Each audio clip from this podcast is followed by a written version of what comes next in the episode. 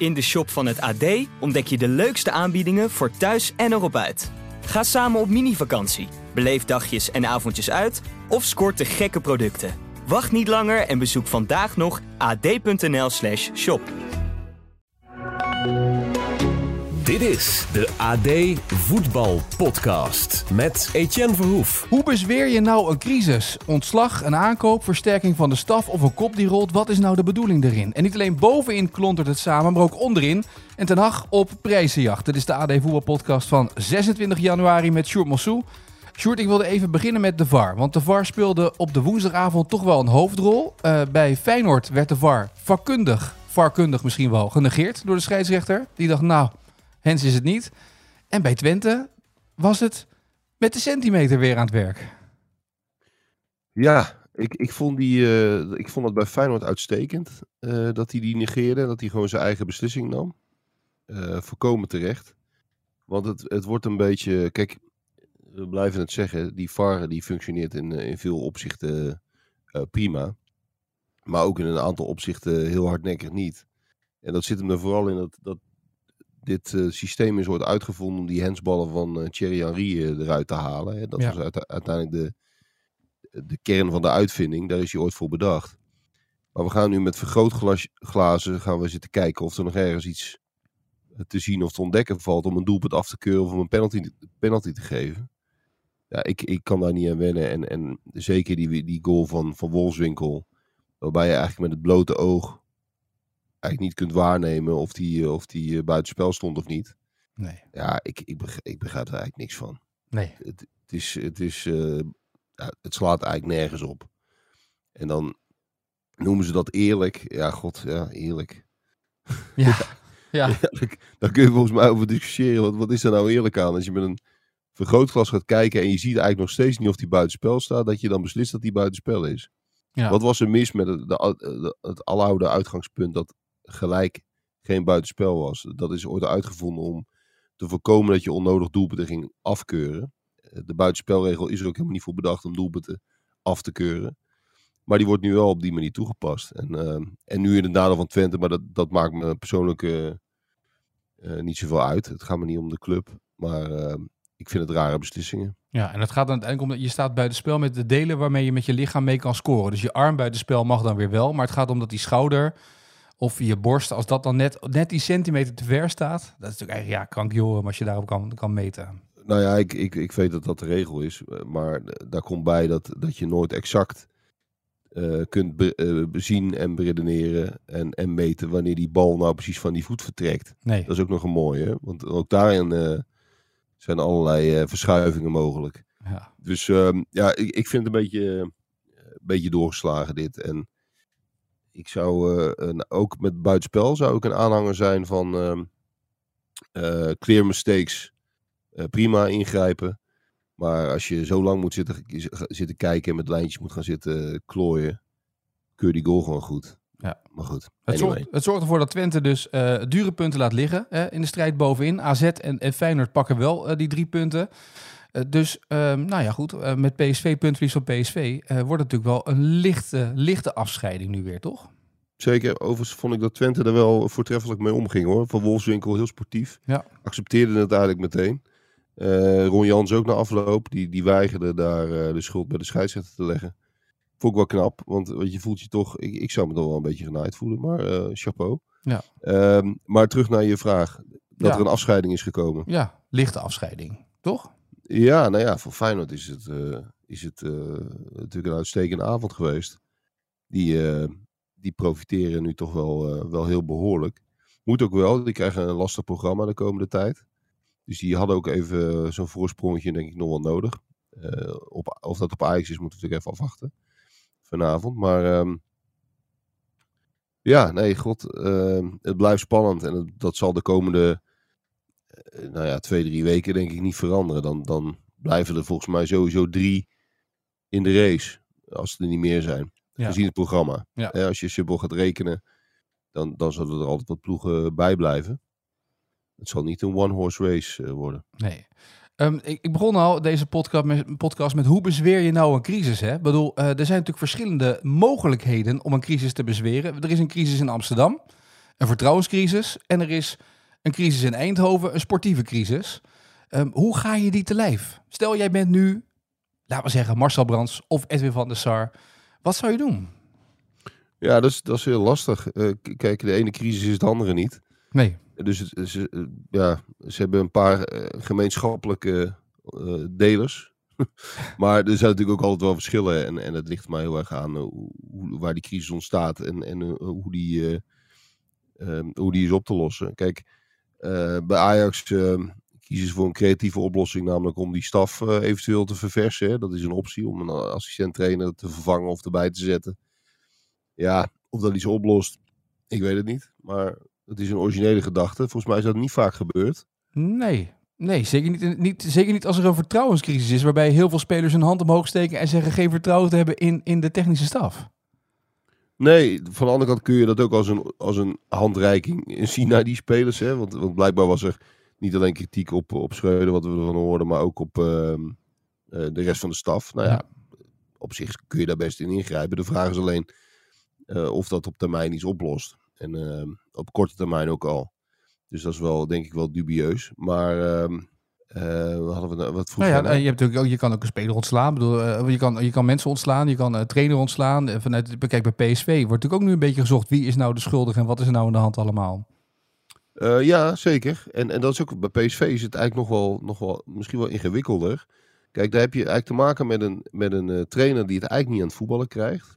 Eh, een elftal dat, waarvan je toch wel kunt zeggen dat ze heel erg op twee gedachten hinken in wedstrijden. Dat zie je te vaak zie je dat terug. Ja. De ene helft van het, eh, van het elftal eh, wil aanvallen en de andere helft wil verdedigen, om het even simpel te, te maken. Ehm, dus dat, dat zit toch bij de, bij de trainer, een beginnende coach. Eh, ja, dat, dat, dat zie je eraan terug. Hè. Bij Smit, je kon zeggen wat je wilde van Smit, maar dat was wel duidelijk wat hij wilde. Ja. En die speelde vol op de aanval en druk vooruit enzovoort. En bij dit PSV is dat, is dat echt niet helder. Dus dat, dat probleem ligt in principe op het veld en op het trainingsveld. Tegelijkertijd eh, kun je bij PSV natuurlijk niet omheen dat ze eh, hun twee beste aanvallers verkocht hebben. Ja. En dat is met het. eh, hè, de, bij Manuweek kun je zeggen dat kon niet anders, maar ze hebben het met hun volle verstand gedaan. En dat ligt natuurlijk in de. mooi Nederlands woord, de boardroom. Ja. De- dus, dus begint de crisis dan daar of begint de crisis op het trainingsveld? Is bij PSV natuurlijk heel lastig, lastig te bepalen inmiddels. Ja. En dan, dat maakt het ook lastig ingrijpen. En dan kun je wel een spits van Anderlecht halen die nooit scoort. Ehm, maar dat, dat is voor de bühne misschien aardig, maar dan heb je het ook niet meteen meer opgelost. Nou, maar de, de redding is nabij. Hè? PSV zou een bod hebben neergelegd van 15 miljoen euro voor een 20-jarige Ghanese bij Stade Rennes, Suleimana. En eh, geldt als een groot aanvallend talent in de Franse competitie. Heeft alleen maar van de 13 wedstrijden er 11 heeft hij ingevallen. En de andere twee heeft hij dan in de baas gestart. Dus heeft niet heel veel gespeeld, ondanks het grote talent. Dus eh, Ja. dat, dat klinkt, als je dan 15 miljoen zou willen neerleggen, dan denk ik altijd gelijk paniek aankoop. Ja, daar lijkt het wel op. Van de andere kant, qua leeftijd Ja, eh, is het op zich eh, geen gekke investering. nee. En, en als je naar zijn cv kijkt, even, even, in combinatie met zijn leeftijd ook, dat, dat kan het best. Ja, geen idee. Ik kan het niet beoordelen. Ik heb, ik heb nog geen analysebeelden bekeken, om heel eerlijk te zijn. Maar het zou best een aardige speler kunnen zijn. De vraag is alleen, eh lost het op korte termijn wat op? Daar kun je natuurlijk over twisten, want die jongen, die, die, stel dat hij komt, dan eh, zal hij eerst even moeten acclimatiseren. Dan moet hij nog een huis vinden. En dan moet hij nog eh, een beetje wennen aan de, de stilte op de hertgang. Ja. En dan ben je zo weer een maand verder. En, en voor je het weet ben je, heb je de titel al lang weer verspeeld. Dus of dat op korte termijn iets oplost, weet ik niet. En bovendien heb je nog, hou je dan nog steeds het probleem waar we het in het begin al over hadden. Namelijk een elftal dat eigenlijk niet, waarvan de ene helft niet weet wat het andere moet Ja. of wil. Ehm, ja, het, het, PSV zit echt eh, in een lastige, lastige situatie. Ook omdat het eigenlijk een, een heel belangrijk seizoen is natuurlijk voor de club. Eh, je wist van tevoren, Ajax gaat het moeilijk krijgen. Eh, daarom voorspelden veel mensen ook dat PSV een goede kans zou maken. Eh, ik zelf ook trouwens. Maar daar profiteren ze eigenlijk veel te weinig van. En dat is wel heel, ja, dat is gewoon heel pijnlijk. Ja, maar daar heb ik nog niet gehoord dat ze nog een assistent erbij gaan doen in de staf, hè? Om, om de staf te versterken. Nee, overigens, overigens is het natuurlijk wel vaker gebeurd. Dat wilde ik net zeggen, toen raakte ik even de draad kwijt. Eh, ze hebben natuurlijk ook bij Feyenoord hebben ze natuurlijk advocaat in feite ook als een soort, Ja. met Van Bronckhorst destijds. En dat was dan meer een soort mentor. Bij Hiddink en Cocu natuurlijk in het eerste jaar. Maar dat, dat, hebben gister- dat waren de beginnende trainers natuurlijk. Dat is anders dan met een ervaren trainer. Nee, dat klopt. En, en die, die stonden ook echt, zal ik maar zeggen, boven de staf. Dus dat maakt het nog wel iets anders dan, dan- dat je een assistent eh, eh, toevoegt. En bovendien, bij Schreuder, ik heb er al over nagedacht. Bij Schreuder kun je dat eigenlijk ook bijna niet doen. Hè? Stel nou dat, ik noem maar wat, stel dat Henk de Kater erbij komt. Die kent Schreuder natuurlijk van, eh, van vroeger uit zijn tijd bij NAC. En is een, op zich een ervaren coach. Ja. Als je dat bij Ajax zou doen, zou dat natuurlijk richting Schreuder, of het nou wel werken of niet, zou het richting Schreuder natuurlijk een enorm zwaktebod zijn. Ja. Want dan zeg je eigenlijk van, nou, hij kan het eigenlijk nog niet, dus we zetten er een ervaren trainer bij. Dus dat, dus dat kan al niet. En, en, en iedere andere oplossing is natuurlijk ergens een beetje, ja, eh, plakbandwerk. Ja, want als je een jong talent had als Maduro bijvoorbeeld, als je die weghaalt bij Almere City, dan haal je iemand binnen misschien. Maar ja, wat is dat voor oplossing dan? Nee, klopt. Ja. Dus het, het, het is allemaal een beetje voor de bühne. En het zijn, in feite zijn het details. En ik, ik zag net al op social media allerlei eh, berichten voorbij komen dat ze wi- witte, zakdoek, witte zakdoekjes gaan zwaaien. Morgenavond, ongeacht eh, de tussenstand op de wedstrijd. Ik geloof Ja. aan de vijfde minuut. Ik denk, daar hebben ze dan over nagedacht. Denk, de Ajax-supporters, ik weet niet precies waar die vijfde minuut vandaan komt. Maar Hm. ja, misschien omdat ze vijfde staan. Dat zou kunnen, ja, omdat ze vijfde staan al. Ja, ja. Oh ja, dat is wel, wel- wel leuk. Maar dat heeft ook als voordeel... Dat is ook wel leuk, zeg jij dan ook nog erbij. Ja, Nee, leuk bedacht bedoel ik. Ja. Ja, origineel bedacht. De hulde voor de, voor de, voor de bedenker. Ja. Maar ik bedoel meer, ehm, dat is op zich nog wel slim ook. Want voor je het weet, je speelt tegen Volendam. Voor hetzelfde geld staat het binnen 20 minuten 3-0. Ja, en dan, dan, dan slaat dat zakdoekje weer op een drumstel. Dus ja. ehm, ze, ze beginnen al vroeg met, met wapperen. En ja, dat, dat is ook wat het moeilijk maakt. Hè. Kijk, eh, dat is volgens mij al vaker gezegd. eh, Schreuder valt van alles te verwijten. De hele club valt van alles te verwijten. Dus of je die, nou die trainer per se eruit moet donderen, daar kun je natuurlijk heel erg over twisten. Er is wel meer aan de hand bij Ajax. En tegelijkertijd, ehm, eh, al eerder aangehaald, Arie van Eijden, die heeft ooit gezegd, eh één keer eh, kan ik het tegenhouden als ze met zakdoek, zakdoekjes staan te wapperen, maar de tweede keer wordt het moeilijker. Ja. Nou ja, en dat, dat merk je nu bij, dat merk je bij Schreuder ook gewoon. Dat, dat, dat, dat, dat wordt heel moeilijk om, om die druk te weerstaan. Nog los van resultaten, nog los van prestaties zelfs. Kun je dit nog overwinnen? Dat, dat, dat wordt denk ik echt heel erg moeilijk voor hem. Ja, en, en de andere kant is ook wel weer, we hebben inmiddels al geleerd dat een trainer tussentijds vervangen in een seizoen is vaak ook geen garantie voor succes. En als Schreuder deze vier wedstrijden zou winnen tegen de lager geclasseerde ploegen, dan staat hij er gewoon bij natuurlijk bovenin. Dan kan je, dat is ook zo lastig. Dat is ook het gekke aan deze hele situatie. Nee, zeker. Dus daarom, Ja, kijk, in, in algemene zin eh, ja, vind ik het best wel verstandig als je als clubleiding met je volle verstand kiest voor een trainer. Ja, dan hou je daar zo lang mogelijk eh, aan vast. En dan moet er echt iets, eh, iets, iets grondig mis zijn in jouw beoordeling. In jouw beoordeling. Dus niet die van het publiek, maar die van jezelf. Eh, wil je een mond slaan? Dus ik vind de gedachte dat Ajax aan, aan zijn trainer vasthoudt. En dat vind ik in algemene zin bij iedere club. Is best wel goed en best wel nobel. Alleen eh, de vraag is hoe lang je dat onder, onder deze druk nog kunt volhouden. Dat, dat, dat gaan we straks zien. ja. Want de, want- de ratio en de emotie, die, die zijn het voetbal niet altijd uit elkaar te, te, te houden, zeg maar. Nee, en als dan uit een selectie ook nog verhalen natuurlijk naar buiten komen of via via dat een eh, speler dat selectie heeft gestemd of dat ze geen vertrouwen hebben in de staf, als dat naar buiten komt, dan ben je ook al ver in een spelersgroep hè, eigenlijk. Ja, dat is killing. En, Ja. en eh, kijk, de Joost Leners, die, ehm maar zeggen, de mental coach die dan zo'n gesprek voert.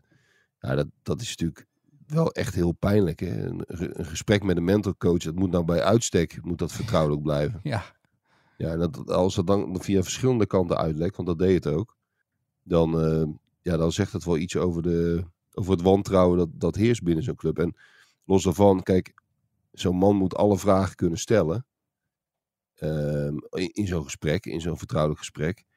Maar de vraag, eh, zijn jullie tevreden over de technische staf, is, is, is in de kern wel een beetje een gekke vraag. ja, Want hij, hij valt, in feite valt hij onder de coach. Die mental coach. Ja. Hij, valt, ja, hij is onderdeel van de staf op het moment, ook al wordt hij ingehuurd, eh, tijdelijk, eh, op, op freelance basis. dan, dan nog is hij, een, is hij een onderdeel van de staf, van de technische staf van Ajax. Hij is, hij is de mental coach, zoals je ook de, de fysieke coach en de Ja. assistentcoach hebt. Ja. Dus dan is het wel heel raar als die als onderdeel van de staf eh, vragen gaat stellen over eh, of de spelers nog vertrouwen hebben in die staf. ja. natuurlijk ergens merkwaardig. Kijk, als, als die zo zijn aangesteld door de directie. Hè, en, en met die opdracht ook daadwerkelijk op pad zou zijn gestuurd. Wat gek zou zijn. Maar stel dat dat zo zou zijn. Dan, dan, dan valt er nog wat voor te zeggen om die vraag te stellen. Maar nu, in deze, in deze constructie is dat heel gek. Nou, ben ik heel benieuwd wie dan heeft gevraagd, stel die vragen. Heeft hij dat uit zichzelf gesteld? Heeft hij dat gesteld, zeg maar, in opdracht van misschien wel Schreuder zelf, die gewoon benieuwd is hoe staat er vlaggen voor, weet je? Dat kan natuurlijk ook. Dat, dat kan, ja. Ja. Als, als, als hij dat gedaan heeft, dan... eh, dan eh, en dat kan natuurlijk, maar dat ja, lijkt mij apart. Ja. Als je die vraag dan op die manier stelt. Maar goed, uitlekken mag het sowieso niet, eh, zo'n vertrouwelijk gesprek. Dat is natuurlijk duidelijk. Ja, het is een beetje speculeren natuurlijk, want we zijn er niet bij geweest. Maar het is wel bijzonder hoe het dan uitlekt en wat er omheen gebeurt. Het is meer van bovenaf bekeken wat er aan de hand is natuurlijk. Ehm, onderin trouwens, ja, eh, eh, wat is nou onderin? Want als je plek 10 kijkt naar Eagles en RKC met 19 punten en Excelsior met 19 punten. Niemand is zijn leven zeker onderin, want nummer 15 Emmen heeft er 15 punten. En dan heb je Groningen Volendam met 12 en Cambuur met 9. Maar het is echt dringen geblazen voor die degradatieplekken. Het ene moment eh, gaan ze bij Excelsior Europa in en loop jij de Polonaise daar in Berkel. Ja, zeker.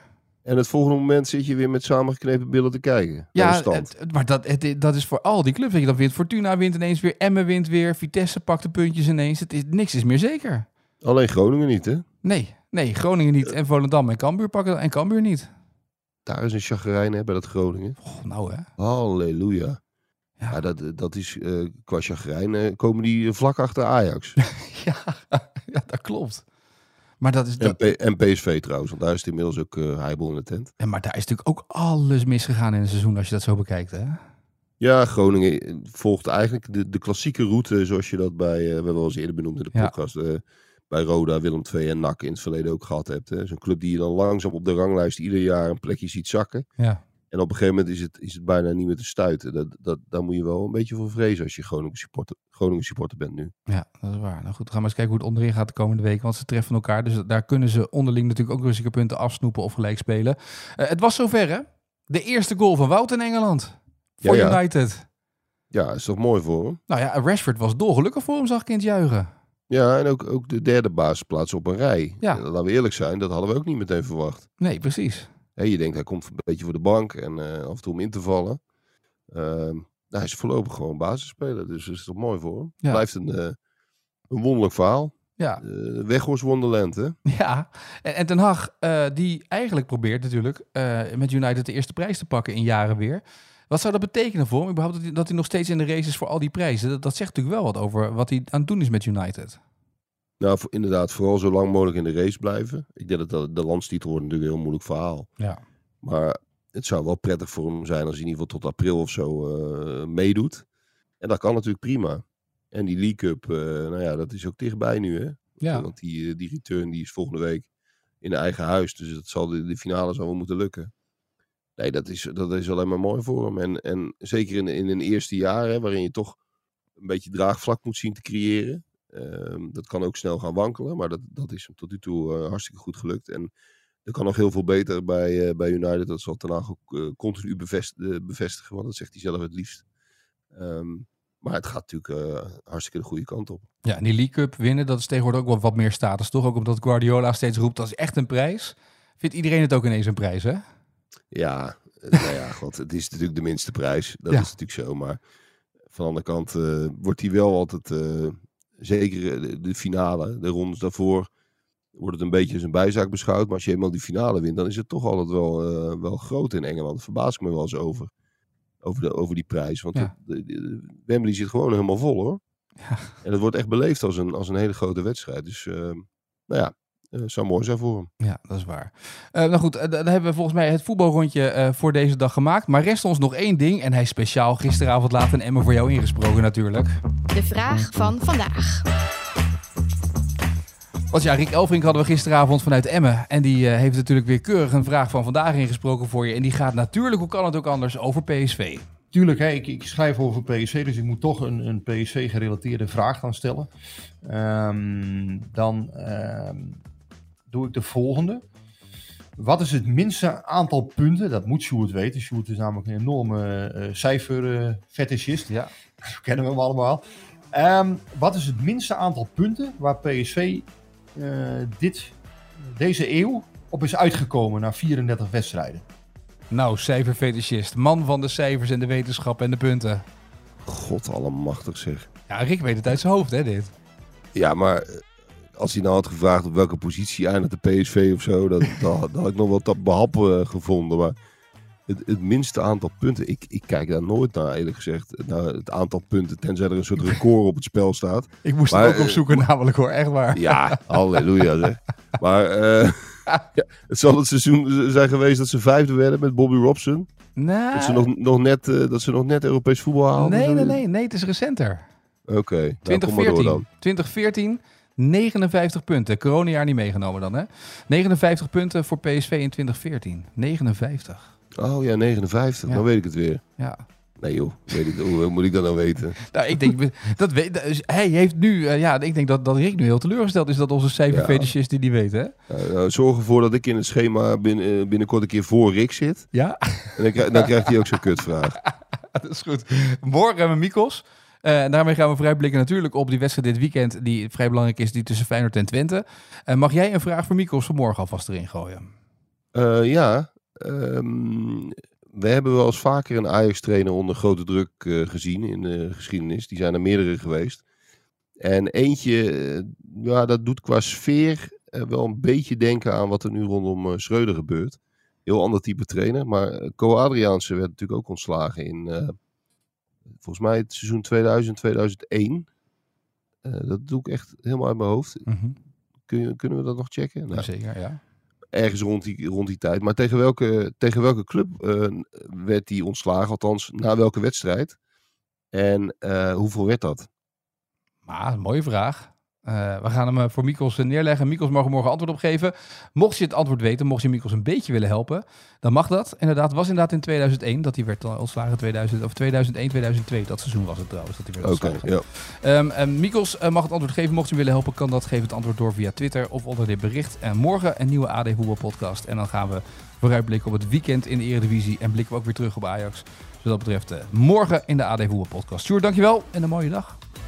Yes. In de shop van het AD ontdek je de leukste aanbiedingen voor thuis en erop uit. Ga samen op mini-vakantie, beleef dagjes en avondjes uit of scoort de gekke producten. Wacht niet langer en bezoek vandaag nog ad.nl/shop.